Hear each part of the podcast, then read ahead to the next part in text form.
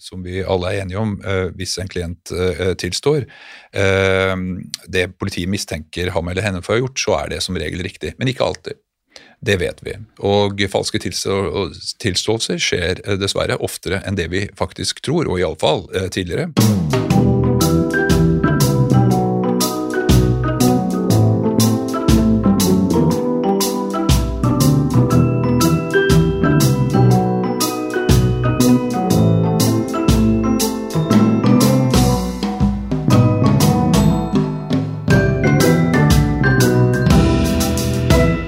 Velkommen til Rett og slett, en podkast om det som er rett og det som er slett i vår rettsstat. Denne podkasten er som vanlig sponset av Karnov juridisk forlag. Mitt navn er Katrine Holter, og jeg er fortsatt strafferettsforsker på Politihøgskolen. Dette er del to av tre episoder om Thomas Quick-saken, og i studio har jeg med meg mangeårige dommer Tor Langbakk og avhørsekspert Asbjørn Raklev. Og da, Tor, eh, det som, det som, er det store spørsmålet her i denne saken, sånn som jeg ser det, er hvilken motivasjon har Sture Bergwall for å tilstå disse? For han ønsker jo han ønsker å tilstå, han ønsker å bli dømt. Det er et spørsmål det nærmest er umulig å gi et riktig svar på. Vi har jo i Bergwall-kommisjonen også intervjua Thomas Quick selv omkring det her, og jeg syns ikke hans svar var veldig god heller. Altså, Vi står overfor en person som er skrudd sammen litt annerledes enn oss andre. Han er en spesiell personlighet. Uh, han har jo vært på sett og vis utreda av uh, psykologer og psykiatere i en rekke sammenhenger, og beskrives jo med ulike diagnoser. Men hvis vi nøyer oss på å si at han var en veldig spesiell personlighet, så tror jeg vi er et stykke på vei der. Han var nok en oppmerksomhetsjeger. Så skal vi se det han gjorde i lys både av situasjonen på Sæter og forholdet til media etterpå, hvor han har opptrådt eksternt, så var han på jakt etter oppmerksomhet. Og han fikk jo veldig mye oppmerksomhet på, på sykehuset Sæter, og da han begynte å forklare at han har begått drap, veldig vagt, så fikk han jo enda mer oppmerksomhet. Fordi han var jo han har i hvert fall snakket om at han var voldsomt ensom, da, eh, før han begynte å tilstå dette. Det var vel også snakk om at han skulle bli skrevet ut av sykehuset? Ja da, det er helt riktig. Samtidig, eh, mange av oss kan jo føle oss ensomme av og til uten at vi derved føler et fryktelig sterkt behov for å erkjenne drap, på en måte. Men det var det han gjorde, og det var helt tydelig at det, det, det slo an på sykehuset. Husk på, vi er også et, for, i et miljø her nå som har den trua på at man kan fremkalle fortrengte minner hos folk. Og det var liksom litt overliggende det at de fleste ting vi gjør feil når vi blir voksen, skyldes at vi har fortrengt minner om overgrep og andre forferdelige ting i barndommen. Og det trigga nok. Han har også fortalt masse helt sprø og syke historier om uh, sin egen barndom. Om broren som ble tatt livet av, og masse annet rart som er helt åpenbart feil. Ja, og var ikke det sånn at han også snakket om at han hadde blitt tvunget til å måtte spise foster av sin egen bror og litt sånn? Ja da. Nå, det var ganske ville historier som kom frem. Ganske ville historier. Han hadde, hadde en god fantasi på det. Og så en liten ting til først. Og det er det at ved å opptre som han gjorde på sykehuset, her, så fikk han også tilgang på, på medisiner, på beroligende medisiner. Og det er jo ganske kjekt å ha av og til. Så han uh, brukte jo det tydeligvis også som et middel til å, å skaffe seg tilgang på medikamenter. Hadde ikke han også en rushistorikk? Det hadde han jo også. Han hadde jo helt tatt en rar historikk, ikke sant? for han var jo dømt før. og så har han jo begått en del forhold som det ikke ble reist sak om, fordi han var allerede plassert i tvungent psykisk helsevern. Og han begikk jo et ran, som var den uh, avgjørende episoden for at han nå igjen var på Sæter. Så, så hvorfor gjorde han det? Det må være noe sånt, altså oppmerksomhetssøking og tilgang på, på medikamenter, antagelig. Altså han ble rett og slett eh, mer og mer rusavhengig da, og skjønte at, eh, at for å fremkalle disse minnene, sant, så var det vel snakk om at man Altså at disse medisinene skulle hjelpe han å, å, huske, da, var ikke det litt sånn? Slappe av, da, vet du, og, og komme på alle de tingene du har, har fortrengt. Men man fikk også stadig større doser av oppmerksomhet. Altså mer, stadig flere terapitimer i det systemet han var i. Eh, masse oppmerksomhet. Eh, som Asbjørn sa, han ble jo avhørt eh, et utall ganger. Han traff jo politifolk hele tida, og media begynte å bli interessert igjen. Han ga jo intervjuer på Sæter, f.eks. Så han blomstra jo opp og fikk jo plutselig eh, massevis av oppmerksomhet som han ikke har fått før. Men var det ingen på sykehuset som reagerte på medisinbruken?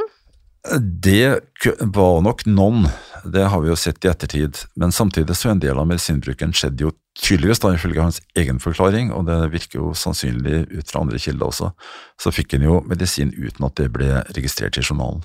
Mm. Og denne episoden som ble vist på TV under denne rekonstruksjonen, der det klikker på en måte foran uh, Han har jo i hvert fall selv forklart at det, det hadde sammenheng med at han var m- meget beruset denne dagen, eh, og, og på liksom det nivået at, det var, at han var helt psykotisk.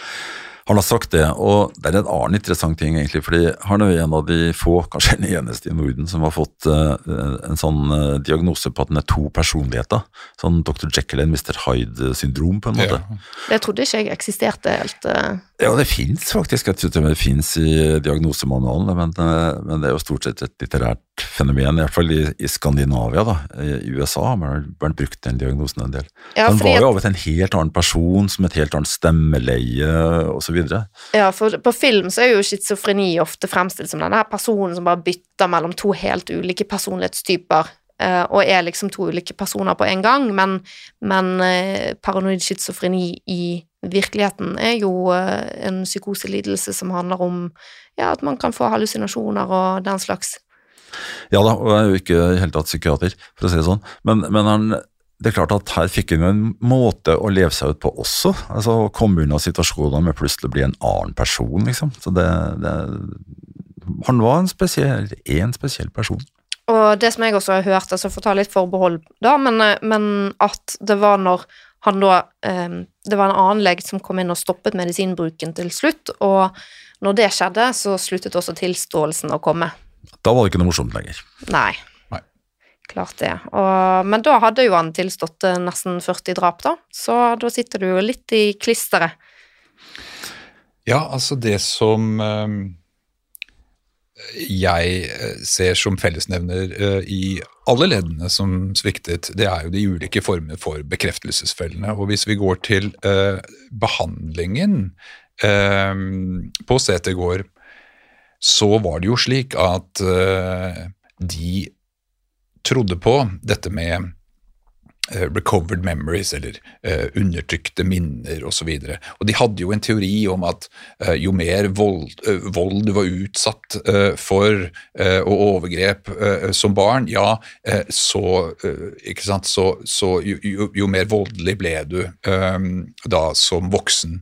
Og, og, og det er klart at når Sture Bergwall eh, begynte å fortelle helt vanvittige ting fra sin barndom, så fikk jo ø, ø, psykiaterne, legene, fikk jo bekreftet disse freud, tidlige freudianske teoriene. Eh, og det kulminerte, som, som Thor eh, sier, i eh, det som eh, i, i, i saksdokumentene er kjent som Simon-hendelsen, altså hvor, hvor eh, Sture Bergwall lå på eh, eh, i terapien og eh, i sterk narkotikarus, sponset av staten, eh, begynte å fortelle om traumene fra barndommen. Og det, bare, det, det tok ingen ende slutt.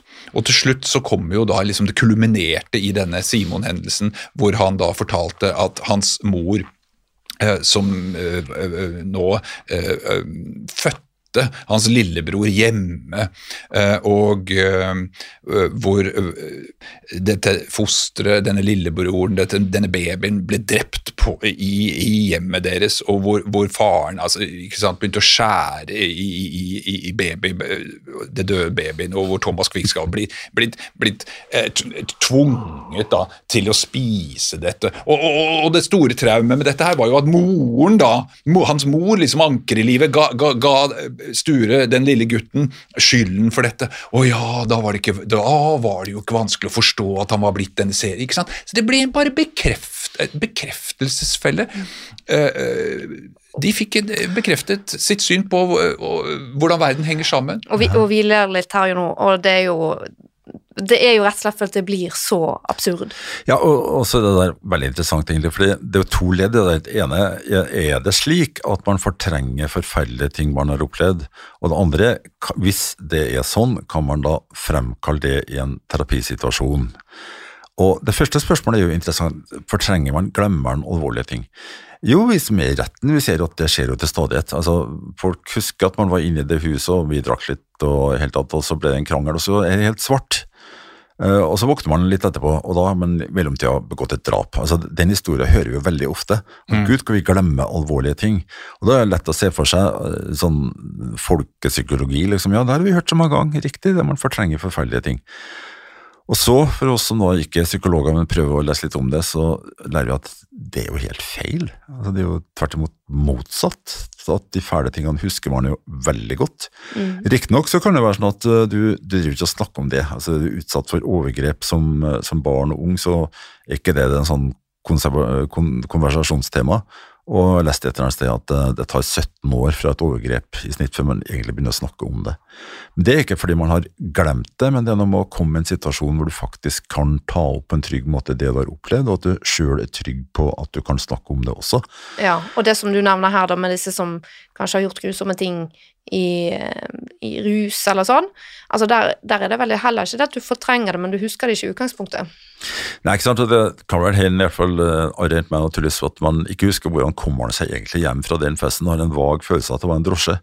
Men hvis noen har begått et drap i den drosjen, så tror jeg sjansen for at du husker på det, har vært atskillig bedre, egentlig. Mm. Så, uh, men det svever som en myte blant folk, og også blant psykologer og dommere, at uh, ja, eller fortrenge og glemme ting. Men kan man det, da? Kan man glemme at det har skjedd et drap i drosjen? Nei, uh, så vidt jeg forstår våre psykologer som faktisk forsker på og har greie på sånne ting, så går det visstnok ikke an. Nei. Uansett hvor ruset man er?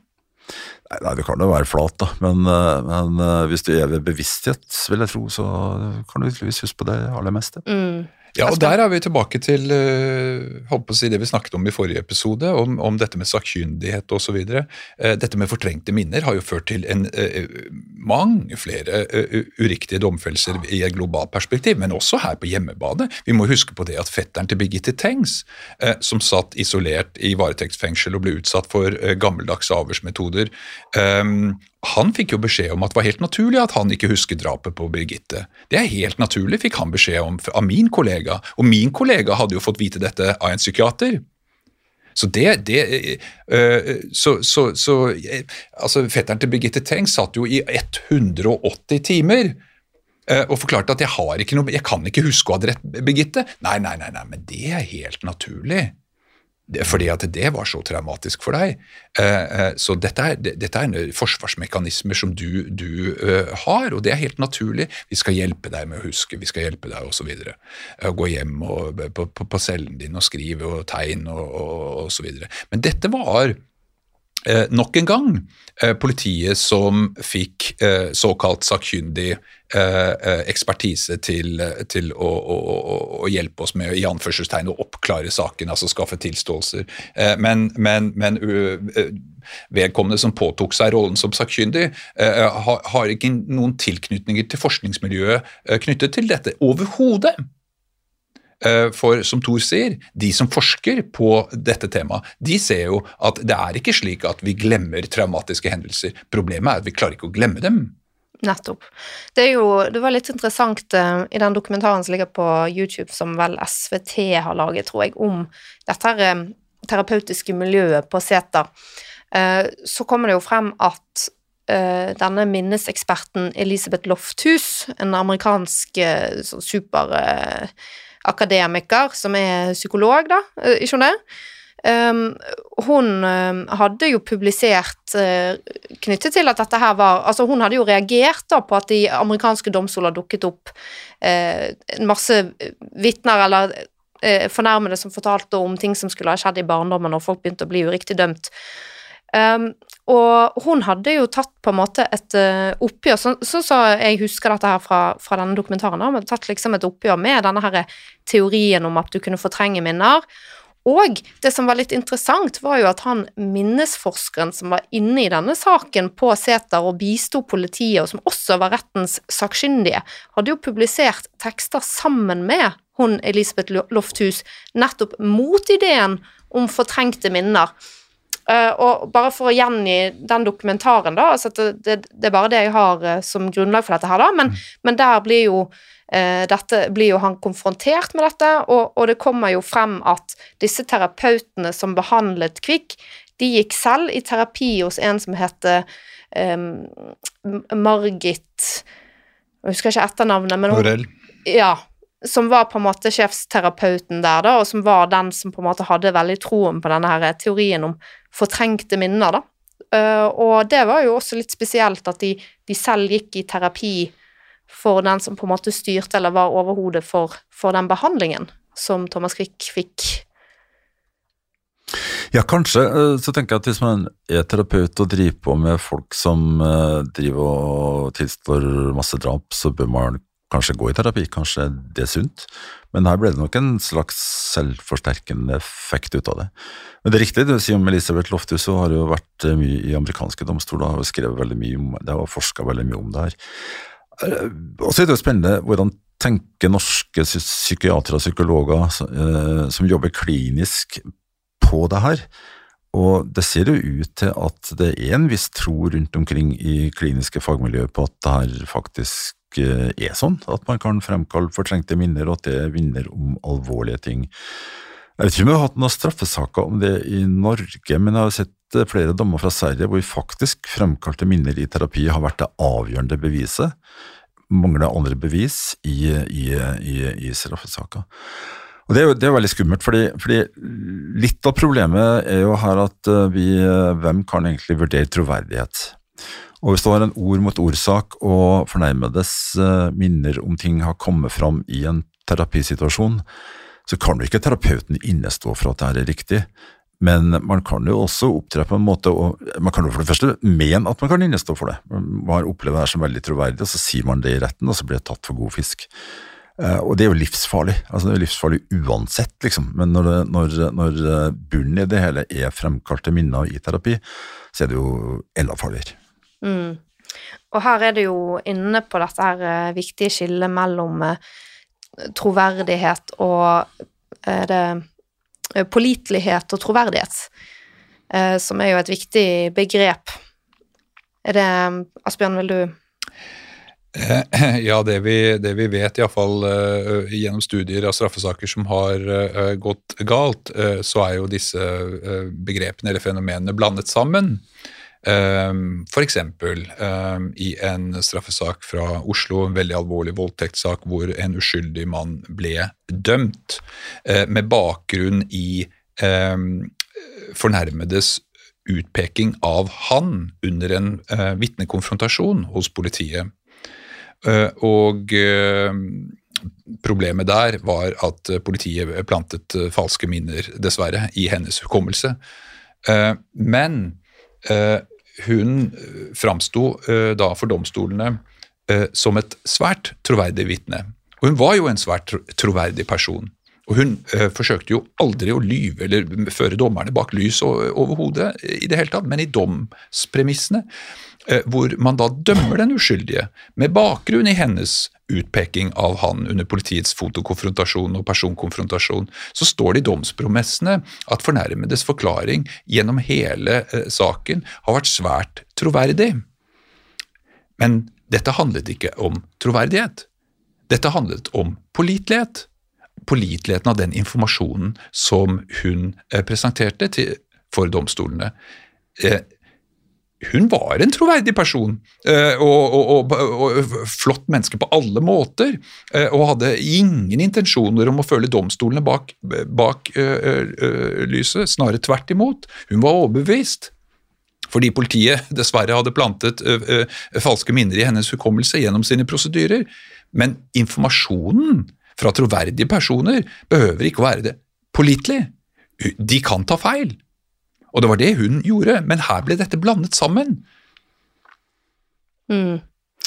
Det, det er jo et veldig spennende spørsmål, egentlig. Fordi, fordi jeg tenker som forsvarer som jeg var en gang i verden Noe av det verste de gjorde i retten i, i sånne saker, var jo å avhøre fornærmede. For det er en sånn vanskelig balansegang. På ene sida at du skal ha respekt for at det her sannsynligvis er et reelt offer. Samtidig har du en forsvareroppgave du skal utføre. Og hvordan balanserer du det her? ikke sant? Du skal også framstå på en måte så du får fram det med pålitelighet mm. gjennom avhøret. Mm. Det er en kjempeutfordring, og det er kanskje litt over på forsvarers rolle i Kvikk-komplekset også snart. Ja, det har vi ikke snakket om ennå, og det er jo et kjempespennende tema. Det er jo det, og bare for å prøve å begynne på det. altså På den ene sida så er jo forsvarerens oppgave å ivareta klientens interesser. Eh, når klienten er gal, for å si det enkelt, så kan du komme i tvil om hva er klientens egentlige interesse. Samtidig så har du jo en rolle for å bidra til, også overfor domstolen. Altså det skjønte jeg først da jeg ble dommer, at forsvaret er egentlig ganske viktig. Å sitte der og høre på en aktor og høre på vitner og sånn er, er, jo greit nok, men hvis du ikke har noen som har den kritiske rollen, så blir kvaliteten på de bevisene jeg får som dommer, antagelig dårlig. Det er ganske ille å sitte her og ha en dårlig forsvarer. Og i Kvikk-saken så kom jo masse sånne etiske dilemmaer, vil jeg tro, eh, på bordet for, eh, for eh, særlig hovedforsvareren, som hadde de fleste sakene. Mm, fordi han, han valgte jo å følge sin klients ønske, som var å tilstå. Han ønsket å bli dømt. Ja, det er helt riktig, og eh, det oppstår uh, igjen uh, sterke bekreftelsesfeller. Husk på at når Thomas Quick da var dømt for én og to saker, basert på sine falske tilståelser, hvor forsvareren hadde vært inne i bildet, og så kommer det en ny sak, og så kommer det en ny sak basert på akkurat det samme beviset, nemlig tilståelsen. Hva skulle han nå gjøre? Skulle, hvis, hvis, han skulle begynne å stille kritiske spørsmål til disse tilståelsene, ja, eh, så måtte han jo samtidig erkjenne at han kanskje hadde vært med på uriktige domfellelser allerede. Så du havner i en slags uh, catch 22-situasjon som forsvarer, og som menneske så går ikke det. Og da trer bekreftelsesfellene, menneskesendet, de ubevisste eh, bekreftelsesfellene, de hjelper oss. Eh, med å ignorere informasjon som indikerer at dette kanskje være feil. Snarere tvert imot, du søker bare informasjon eh, som bekrefter din oppfatning av hvordan verden henger sammen. Eh, så det ble, Thomas Quick fikk jo ikke noe reelt forsvar, men dilemmaet går jo ut over Quick-sakene, Tor. Men så jeg tenker tilbake, vi, vi, har jo begge lest ganske mange avhør av Thomas Quick. Mm. Og, og, fordelen med Thomas Quick-saken, og med Sverige da, på 90-tallet, var jo at man tok jo opp avhør på bånd, og så skrev man dem ut etterpå, sånn som vi gjorde en periode med, med barneavhør fra da domstolen holdt med det. Og Det gjør at vi kan følge framdrifta i nære avhøra veldig nøye. Men så spør da Asbjørn, så du noe spor av forsvarer i noen av de avhøra, bortsett fra at det sto at den av og til, men ikke alltid, har vært til stede? Nei. Eh, som regel så var jo ikke forsvareren til stede overhodet. Og det hang jo da sammen med eh, den eh, oppfatningen om at forsvareren stolte på politiet, og så ikke noe grunn til eh, eh, å være til stede, for politiet var jo ærlige og redelige. Og det er jo også noe som har kommet i ettertid, altså at det har blitt mye viktigere for forsvareren å være til stede under avhørene òg. Det var jo ikke like vanlig på 90-tallet i Norge heller. Nei, overhodet ikke, og du må være klar over at vi f.eks. i norsk politi på dette tidspunktet, vi hadde jo avhørsteknikker om hvordan vi skulle få forsvareren ut av rommet. Mm. Vi hadde jo uh, raffinerte manipulative teknikker, uh, og det gikk jo akkurat på det samme, nemlig at du skulle sørge for at forsvareren opplevde at du var en hyggelig fyr, og at du ville klienten vel. Arvid Sjudin har jo i Birgitte-saken forklart at han, han, han, gikk jo i den fellen, og helt i tråd med politiets bevisste avhørsstrategi sørget for at vi fikk avhøre fetteren alene, nettopp fordi at forsvareren fikk en opplevelse om at her satt her satt det en politimann som ville min klient vel. Mm. Og, og da kan jeg bare legge til da at uh, hvis uh, noen er interessert i Birgitte Tengs-saken, så kan man gå tilbake til den første episoden, rett og slett. Der ligger det en episode om den. Tor. Det var en liten ting der, for det, det er Arnes side også, du fikk jo ikke betaling. Altså, Når du forsvarer, driver du firma og skal gjerne ha noe inn på konto. Og opplevde jo det på 80-tallet, at uh, dommere har vært til stede på avhør med det, liksom. Uh, tar jo politiet seg av. Så det kan jo ikke vi drive og betale for. Ikke var det oppnevnt av retten på det tidspunktet heller. Nei. Når det heldigvis endra seg på regelnivå, men det var en klar realitet på slutten av 80-tallet, 90-tallet, det at du skulle gjøre det, så er det gratisarbeid. Jeg skrev, jeg skrev en lærebok for forsvarere og sa at det får vi egentlig ta på egen kappe, for det er viktig å være der og viktig å vise Ja, at man har en rolle. Men betalt fikk vi ikke. Nei, og det var jo noe som kom, altså retten til betalt forsvarer under avhør og under etterforskning er jo noe som på en måte har kommet med menneskerettighetene mer og mer. Um, men eh, altså, hvordan skal en forsvarer altså, eh, Tor, du har, jo, du har jo bakgrunn som forsvarer og skrevet denne utrolig viktige håndboken for forsvarere. Altså, hvordan skal en forsvarer forholde seg når de har en klient i psykiatrien, og som de møter, og som egentlig umiddelbart bare sier at de vil tilstå, og vi går i avhør, og, så er det jo dette her med sant? Hvis du er tidlig ute med denne tilståelsen, så kan du makse ut tilståelsesrabatten. Sånn at, sånn at hvis du har en eh, skyldig klient, så kan du jo fort være tjent med det, i hvert fall hvis bevisene peker i den samme retningen. Hva, hva tenker du? Det er veldig vanskelig, og så kan man ha et veldig sånn eh, ideelt syn på hva man skal gjøre. I realiteten vil det ofte være sånn at hvis klienten tilstår, så er jo det greit nok. Da har han vel gjort det, da, liksom. Du mm. tenker jo gjerne sånn. Og husk på eh, Og som regel så har den jo det, da. har jo det, ikke sant. Og, og de fleste saker, straffesaker er jo små. Altså, vi har jo en, kanskje 9 10 000 straffesaker i meddomsrett i året i Norge, og vel det samme som tilståelsessaker. Det er klart at når du da vet at ålreit, her er stort sett greit, her får jeg rabatt, jeg kan få opp til en tredjedel rabatt kanskje, og da er det like kjekt å tilstå, ferdig i retten, og takk for i dag.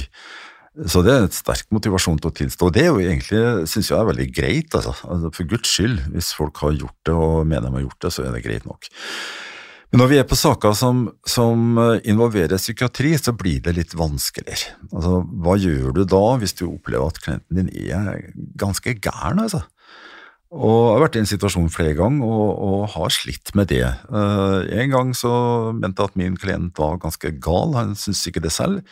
Og da gjorde jeg noe som kanskje var uetisk. Jeg ringte påtalejuristen og sa at jeg tror du skal begjære eh, vår mann her uh, judisielt observert, fordi jeg tror ikke han er helt riktig skrudd sammen. Uh, Men det er vanskelig. Og så vet vi det, da vet vi fra Gjenopptakelseskommisjonens saker, at det med psykiatri det oppdager vi ikke. Altså Flertallet av, eh, av Gjenopptakelseskommisjonens gjenopptatte saker de siste år dreier seg om folk som faktisk var utilregnelige på domstidspunktet, og ingen oppdaga det.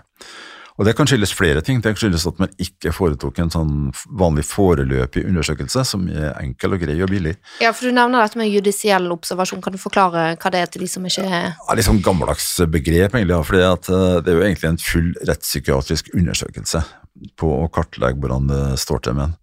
Eh, Og så foretas det gjerne først en sånn enkel undersøkelse, en foreløpig undersøkelse, hvor én lege, skråstrek en psykiater kanskje, har en samtale og skal gjøre herre unna på et par sider, hvor spørsmålet er skal den personen her undersøkes videre, eller skal han det ikke?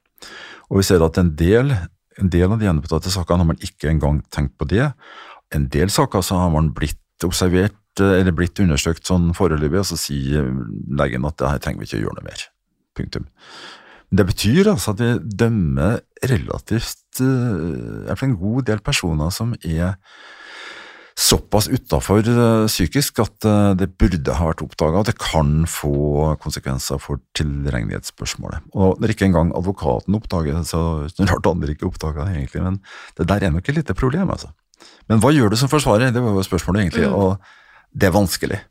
Det er rett og slett vanskelig, men du skal i hvert fall ivareta rettighetene til siktede under avhøret i forbindelse med etterforskninga. Det må være et minstekrav, også fordi du som forsvarer da skjønner litt mer om hva, hva, hvordan er det egentlig stelt der med saken og med, med min klient.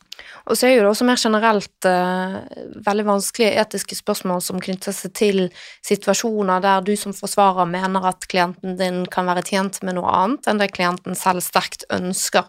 Én utfordring er jo selvfølgelig at eh, klienten, hvis ikke du gjør som de sier, så kan de, de bytte til en annen advokat. Eh, men, og, og det trenger jo ikke å være et uh, stort problem i seg sjøl, ikke sant.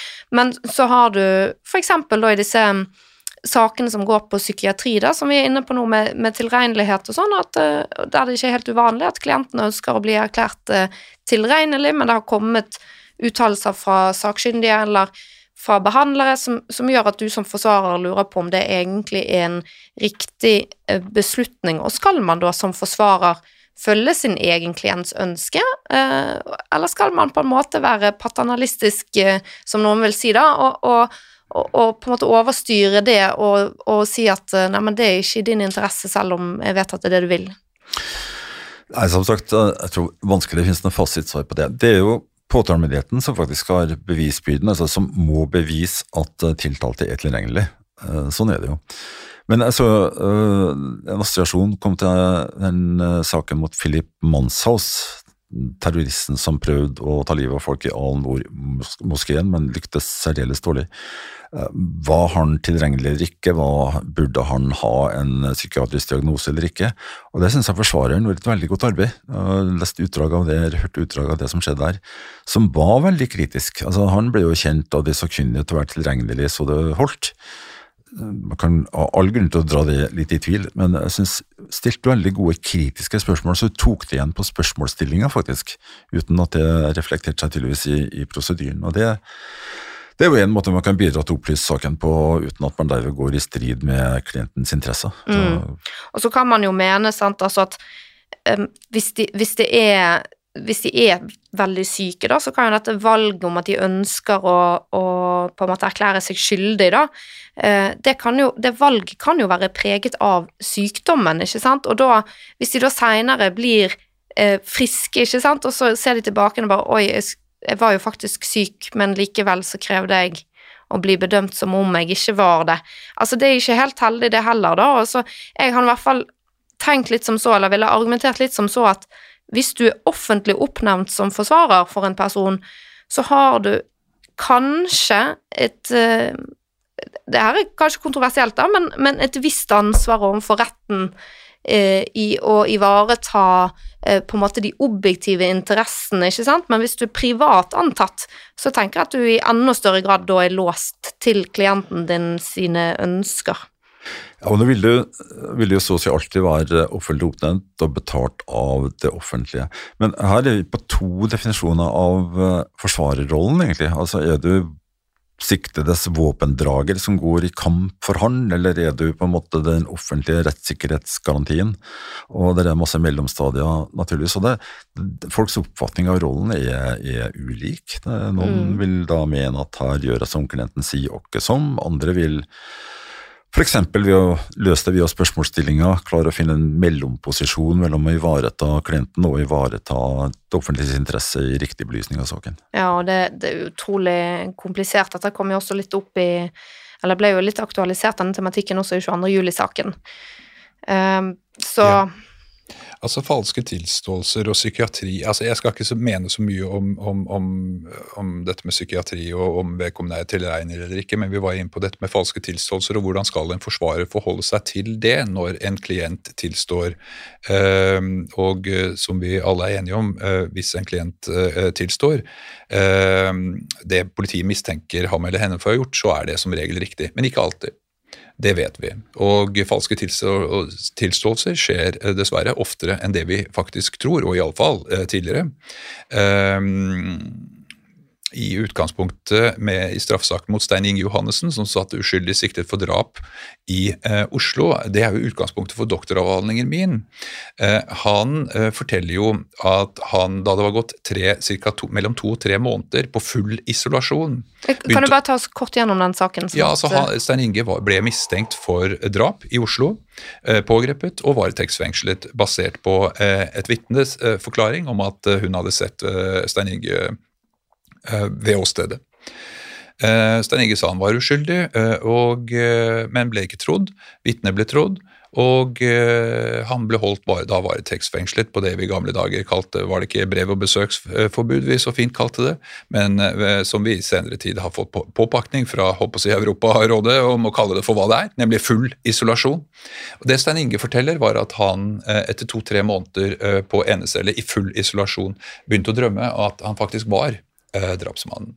Eh, og eh, Grunnen til at jeg trekker inn denne historien, er fordi at han ringte sin forsvarer, Øystein Storvik, eh, og sa at du må komme, jeg skal i avhør, og jeg skal tilstå.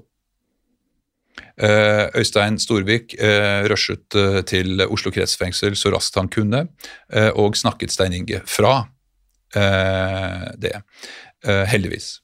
Så vi har eksempler i nyere tid og i moderne tid på at en forsvarer har snakket sin klient fra å tilstå, og i dette tilfellet helt riktig, fordi det ville vært en falsk tilståelse og helt fatalt for Stein Inge. Han ble jo senere eh, renvasket totalt da den egentlige drapsmannen eh, meldte seg eh, for politiet fire dager før rettssaken.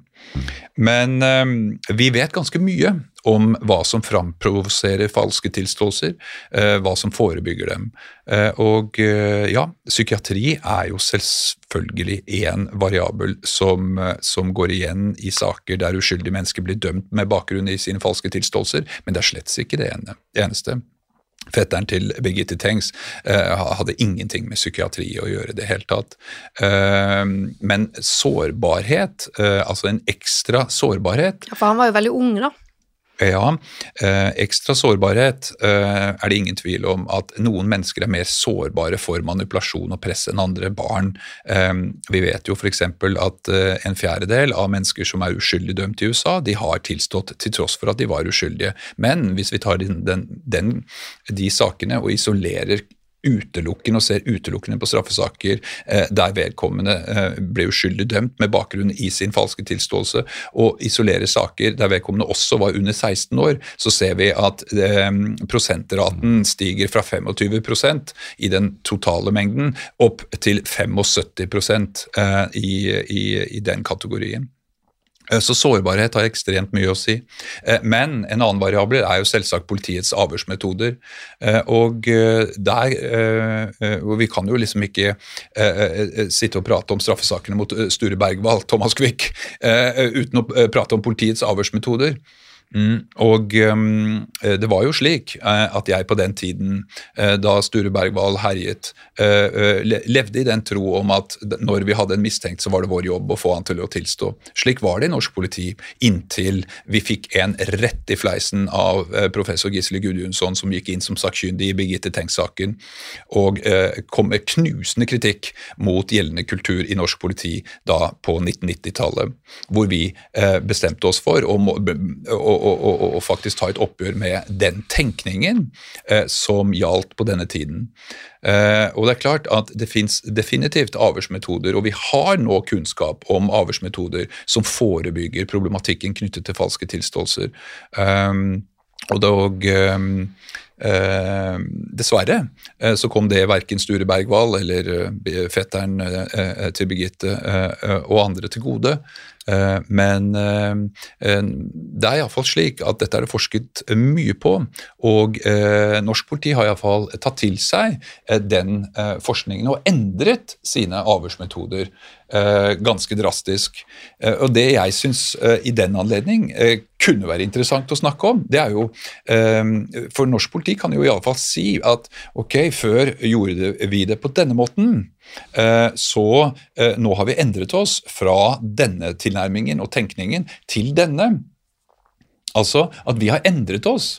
Eh, men jeg syns jo det er interessant å, å spørre men hva, hva, hva med rett, de, de øvrige rettsaktørene? Uh, F.eks. påtalemyndigheten, f.eks. domstolene. Uh, I kjølvannet av, av, av f.eks. Birgitte Tengs-saken og Sture Bergwall-saken. For, for, for, politiet kan iallfall si vi har endret oss fra dette til dette. Mm. hvordan har påtalemyndigheten og, og domstolene tatt lærdom av disse sakene? To. Den ja, kassa vi over til deg. Det er ikke sant, og takk for det. nå, nå, tror jeg nok generelt at uh, altså justissystemet er jo noe av det gamleste vi har. Altså det er et system vi har hatt i århundrer. Og jeg tror at det er noe av det vanskeligste å endre i samfunnet, er tenkninga i et justissystem som også er regelstyrt herfra til evigheten, egentlig. Jeg tenker på Asbjørn snakker om at vi gjør noe annet i politiet nå, men eh, jeg må jo si slik jeg opplevde det, skjedde ikke umiddelbart og uten motstand. Eh, det var en god del gamle politifolk da, som syntes at dette var jo bare tull. altså Kognitive avhør. Vi har vel fått folk til å tilstå. Søk og samle og sikre spor og få skurken på plass, liksom. Mm. Så det, det, og det, det jeg prøver å si, det er at det er et kulturelt spørsmål her. Mm. Altså, ting sitter i veggen både her og både der. Eh, vi kommer tilbake til hva, hvilke konsekvenser har eh, de to utredningene vi av Asbjørn har Mm. vært med på, fått, egentlig. Mm.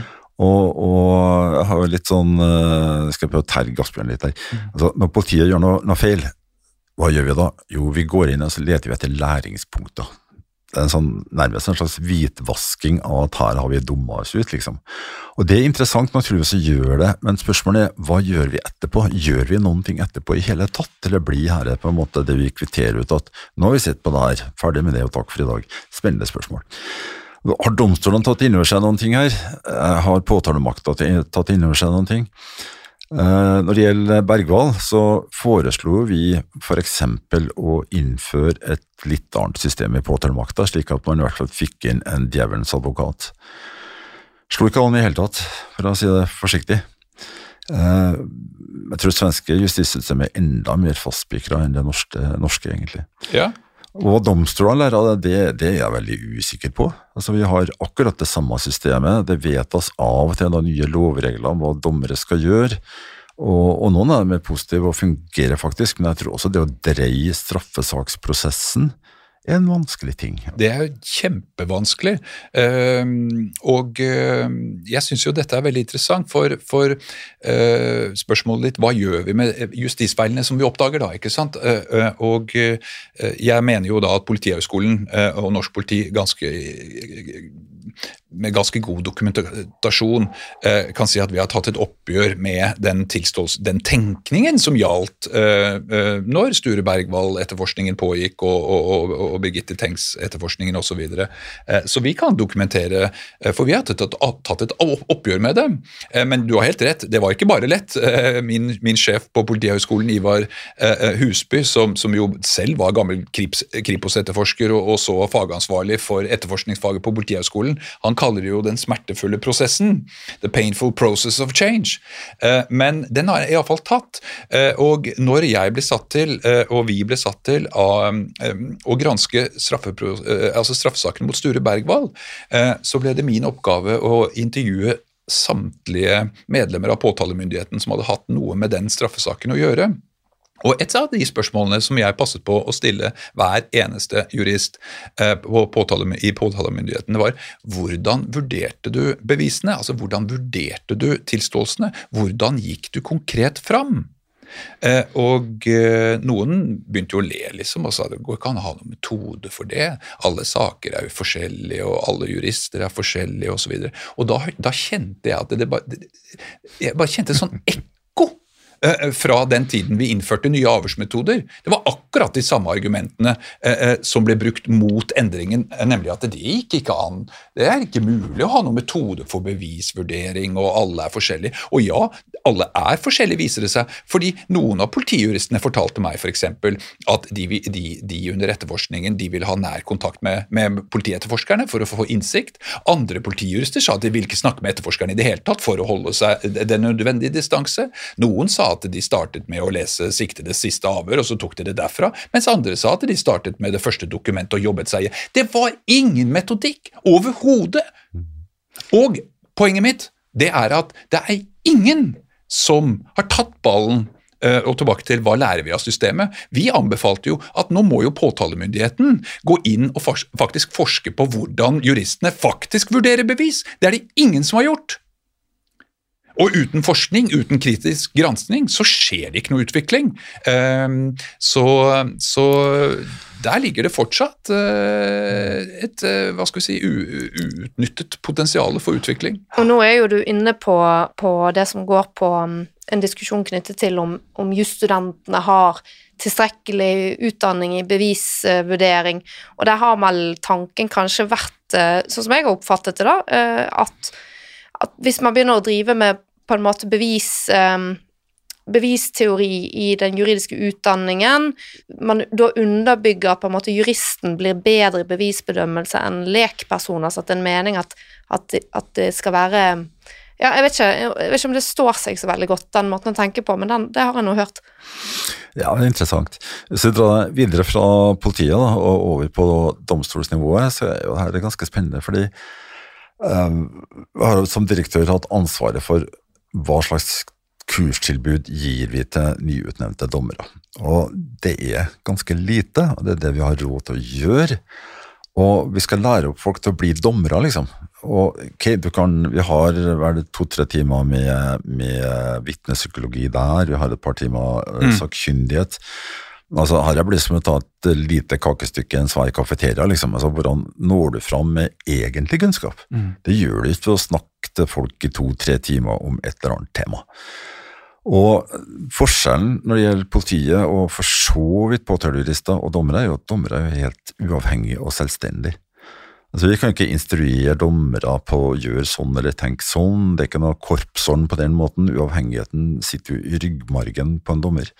Så det å utdanne dommere, det synes jeg er vanskelig. Jeg har litt sånn sans for dere at det går kanskje an å introdusere jusstudenter for at det her er faktisk et tema.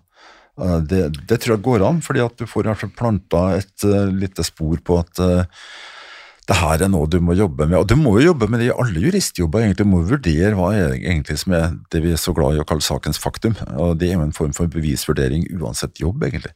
Så kanskje det er smart å begynne der. Mm. Ja, og, absolutt. Og, og, ikke sant. Uh, Uh, absolutt, en dommer er selvstendig og, og, og, skal ikke instrueres på en måte i den individuelle sak, men, men, men, vi kan jo ikke ha det sånn at, eh, at flyvere skal gå opp i fly og så uh, fly det på sin måte. Altså, det, er, det, det, er, jo metoder og utdannelse, ikke sant. Altså, uh, men, men jeg mener bestemt at den manglende utvikling på dette området skyldes at vi har ingen kritisk granskning av hvordan faktisk Eh, eh, påtalemyndigheten, dommere, faktisk går fram. Christian Diesen studerte jo i sin tid svensk høyesteretts bevisbedømmelse. Ja, dette her er en svensk forsker. Ja, eh, jurist. Eh, bevisteoretiker. Eh, hans teorier har jo politiet tatt til seg og bakt inn i vår metodikk. Nemlig, Han forteller jo at det vi må gjøre, som vi gjør i vitenskapen, det er jo at eh, vi eh, må stille, sette opp de alternative forsvarshypotesene, som han sier. Altså, han eh, anlegger der en abduktiv logikk om hvordan beslutningstakerne må tenke. Denne logikken, Christian Diesens teorier, har jo vi tatt inn og videreutviklet og implementert i vår metodikk. Både innenfor avhørsmetodikk av mistenkt siktede og etterforskningens generelt. Men dette må du forklare. Hva er abduktiv logikk? Ja, Abduktiv logikk går jo ut på å, å uh, stille opp uh, bevisenes alternative hypoteser, altså andre mulige tenkelige forklaringer. Forsvarshypotesene, som Christian Diesen klarte dem, forklarte, eller beskrev dem som. Så f.eks. hvis politiet har et fingeravtrykk på åstedet, og vi har en mistenkt, kanskje han sågar er siktet og pågrepet, fordi hans fingeravtrykk er funnet på åstedet, ja, så tvinger vi våre etterforskere i dag til, før avhøret av ham, til å stille opp de alternative forsvarshypotesene. Eh, ja, han kan være gjerningsmannen, og det forklarer fingeravtrykket, men før vi går i avhør, så tvinger vi nå våre etterforskere metodisk å sette seg ned og, eh, stille opp alle alternative mulige tenkelige forklaringer. Altså eh, har han jobbet i en møbelfabrikk? Har han jobbet uh, i et flyttebyrå? Osv. videre Og så og så går vi inn og faktisk søker etter informasjon som kan bekrefte noen av forsvarshypotesene. Uh, og hvis ikke de er testet ut under politiets etterforskning, ja, så uh, vil jo saken havne til, hos deg, Tor, hos dere, til slutt. og hvis politiet ikke har undersøkt de, og etterforsket og testet forsvarshypotesene, ja, så kan det jo oppstå rimelig tvil, nettopp fordi politiet ikke har undersøkt det, eller påtalemyndigheten ikke har kontrollert at politiet har stilt opp de relevante alternative hypotesene og faktisk testet de, både i sin bredde og sin dybde. Um, så og, og, dette her er jo en metode som man da bruker for å unngå disse bekreftelsesfellene, ikke sant? Eh, ja, man, eh, absolutt. Fordi at det tvinger jo eh, politi, altså bevisvurdereren eller politietterforskeren til å, å, å, tenke eh, videre. Altså, det hjelper oss å operasjonalisere uskyldspresumpsjonen. Eh, vedkommende kan være uskyldig. Hvis vedkommende er uskyldig, så fins det en annen alternativ forklaring til bevisene som peker mot han. Eh, og det, Denne metodikken og denne tenkningen hjelper etterforskerne til å, til å søke etter alternative uh, forklaringer. Men hvis vi ikke finner alternative eh, støtte for de alternative hypotesene, ja, uh, så, styrkes jo hovedhypotesen om skyld. Så vi kan trekke da det som kalles innenfor abduktiv logikk slutning til beste forklaring basert på hypotesetenkning. det vi jo ser, det er jo at de underliggende årsakene til at det av og til går galt at uskyldige mennesker blir dømt, det er jo nettopp at etterforskerne, påtalemyndigheten, um, låser seg til, til en uh, hypotese og ikke klarer å stille opp de alternative hypotesene. Uh, så denne kunnskapen, som vi, vi, kan hente masse kunnskap fra beslutningspsykologi, fra Kahneman, altså fra, fra, fra, forskere som har vunnet nobelsprisene sine i, i, i beslutningspsykologi, beslutningspsykologi. det er jo kunnskap som, som, som vi på Politihøgskolen nå har bakt inn i etterforskningsmetodene. Og ja, um, men, men, men det, altså, start, det, starter jo med det, det, må jo starte med forskning om hva er det aktørene holder på med i dag. Ja. Men, men, hvordan er det man jobber med dette her i praksis? Er det sånn f.eks. at uh, hvis man er et etterforskningsteam, så vil noen få på en måte i oppgave å tenke ut og etterforske etter én hypotese og en annen etter en annen hypotese, eller, eller, hvordan gjør man det i praksis? I praksis så skal etterforskningsledelsen sammen med, med, med etterforskningsteamet sette seg ned og uh, generere, stille opp alle alternative hypoteser som er relevante, altså de plausible uh, hypotesene. Og de skal settes ned på papir, de skal ikke bare prates om på rommet de skal faktisk eh, eh, settes ned i etterforskningsplaner som eh, Fordi vi vet nemlig at å, å, å, å dokumentere tenkningen, det hjelper oss å tenke mer åpent. Fordi, og Da kan man jo også gå inn og se og, og, og, undersøke, og det kan bli enklere for mennesker som kommer inn fra siden, å undersøke har de faktisk stilt opp de relevante hypotesene. Og det, Jeg mener jo at det er det som er påtalemyndigheten og domstolenes oppgave, nemlig å undersøke undersøke, Påtalemyndigheten må jo undersøke om politiets etterforskere faktisk har stilt opp de relevante hypotesene i saken, og om de har testet dem i tilstrekkelig dybde. Og så til slutt blir det jo da domstolens oppgave eh, å kontrollere eh, eh, det hele. Ja, og det her som du er inne på nå, det har jo da en viktig parallell til, til forsvarers jobb og rolle i rettssalen. Altså for én ting er altså du Som forsvarer så kan du jo imøtegå aktors For, for aktor vil jo presentere sin fortelling, hvordan de tolker bevisene, og, og gi bruke dette fortellingsperspektivet, som er en bevisbedømmelsesmetode som har vært inne på i tidligere episoder, rett og slett, men, men, de bruker det til å på en måte gi mening og helhet og få, få bevisbildet til å henge sammen, ikke sant.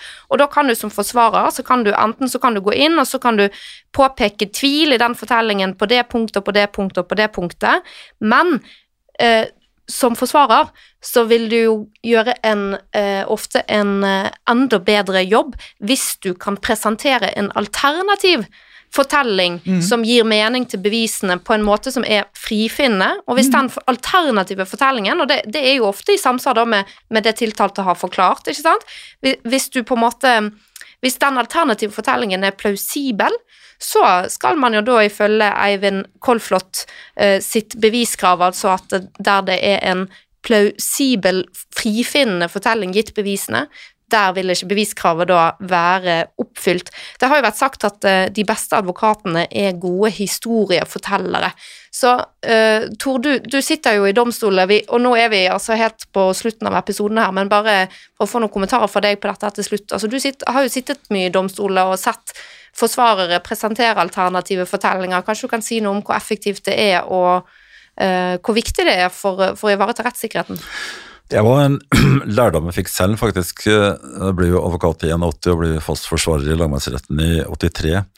Og var jo til å begynne med sånn eh, praktikumstudentforsvarer. ikke sant? Finne ut av ditt og finne ut av datt og dra bevis i tvil her og der. Helt til jeg skjønte at det er jo historiefortellinga som er interessant. Altså Her satt det en jury. Hva er juryen interessert i?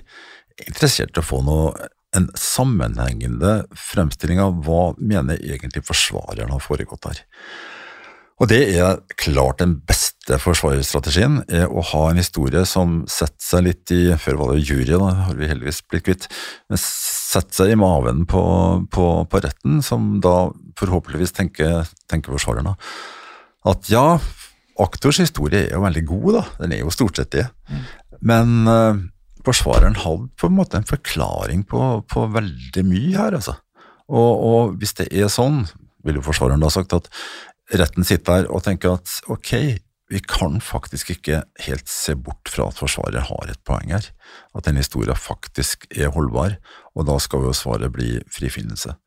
Så gode forsvarere klarer å, å, å, få til det her, og får helt, mine resultater blir atskillig bedre etter at jeg skjønte at det her var clouet, fortelle historie. Mm. Og det, det, er sånn, ja. litt, litt annen ting bare, som, ja. som artig, fordi at Vi snakker om hvor sannsynlig skal ting være. Skal det være mer enn 50% sannsynlig, 70-80% sannsynlig, mer enn 95% sannsynlig?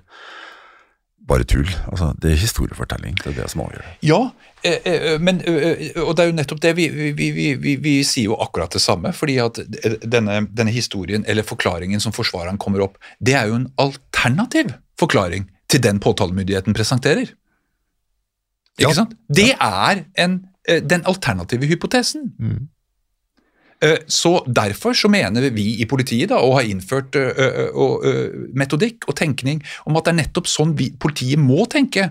Um, og vi mener jo, Jeg har jo skrevet artikler hvor jeg mener at det er jo nøyaktig samme tenkning som må, må prege påtalemyndighetens arbeid også, og til syvende og sist domstolene, som skal kontrollere om de alternative mulige forklaringene er A er de identifisert? Og B, er de testet? Mm. Og jeg tenker jo at påtalemyndigheten òg har noe å lære fra forsvarerne der. Sant? Fordi at det er jo viktig fordi eh, for en aktor å på en måte ikke komme i retten og bli helt overrasket over den alternative forklaringen. Altså bare Oi, her står det en forsvarer som kan gi en veldig god forklaring på disse bevisene som jeg ikke har tenkt på før. Altså, Da blir du jo tatt litt på sengen, da. Nå skal jo de være objektive og sånn, og da skal jo de nedlegge påstand om frifinnelse hvis den uh, alternative fortellingen virker plausibel og man den ikke kan utelukkes. Ja, men problemet, det, det, iboende problemet her, det er jo som eh, høyeste, gamle høyesterettsadvokat uh, Hjort skrev i sin bok i 1952 uh, uh, om justismord. eh, interessant bok.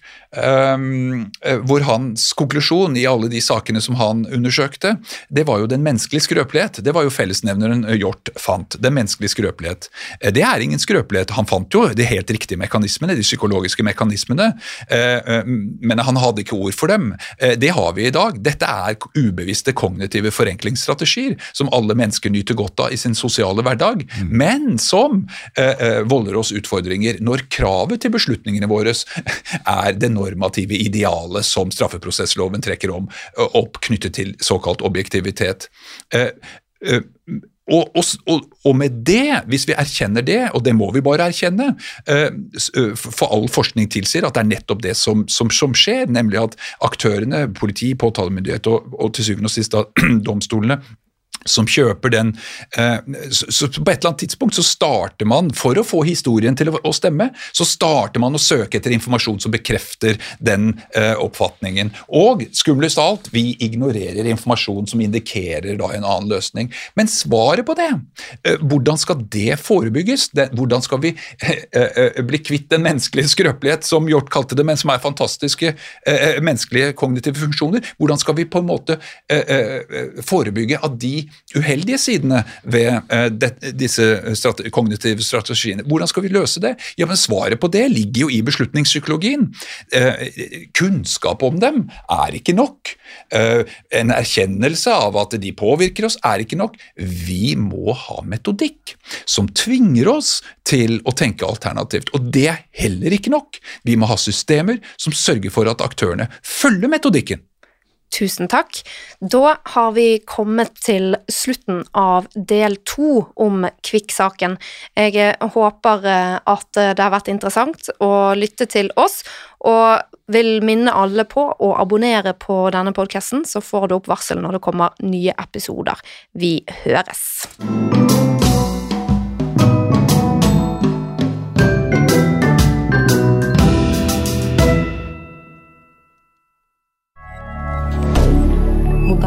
rien.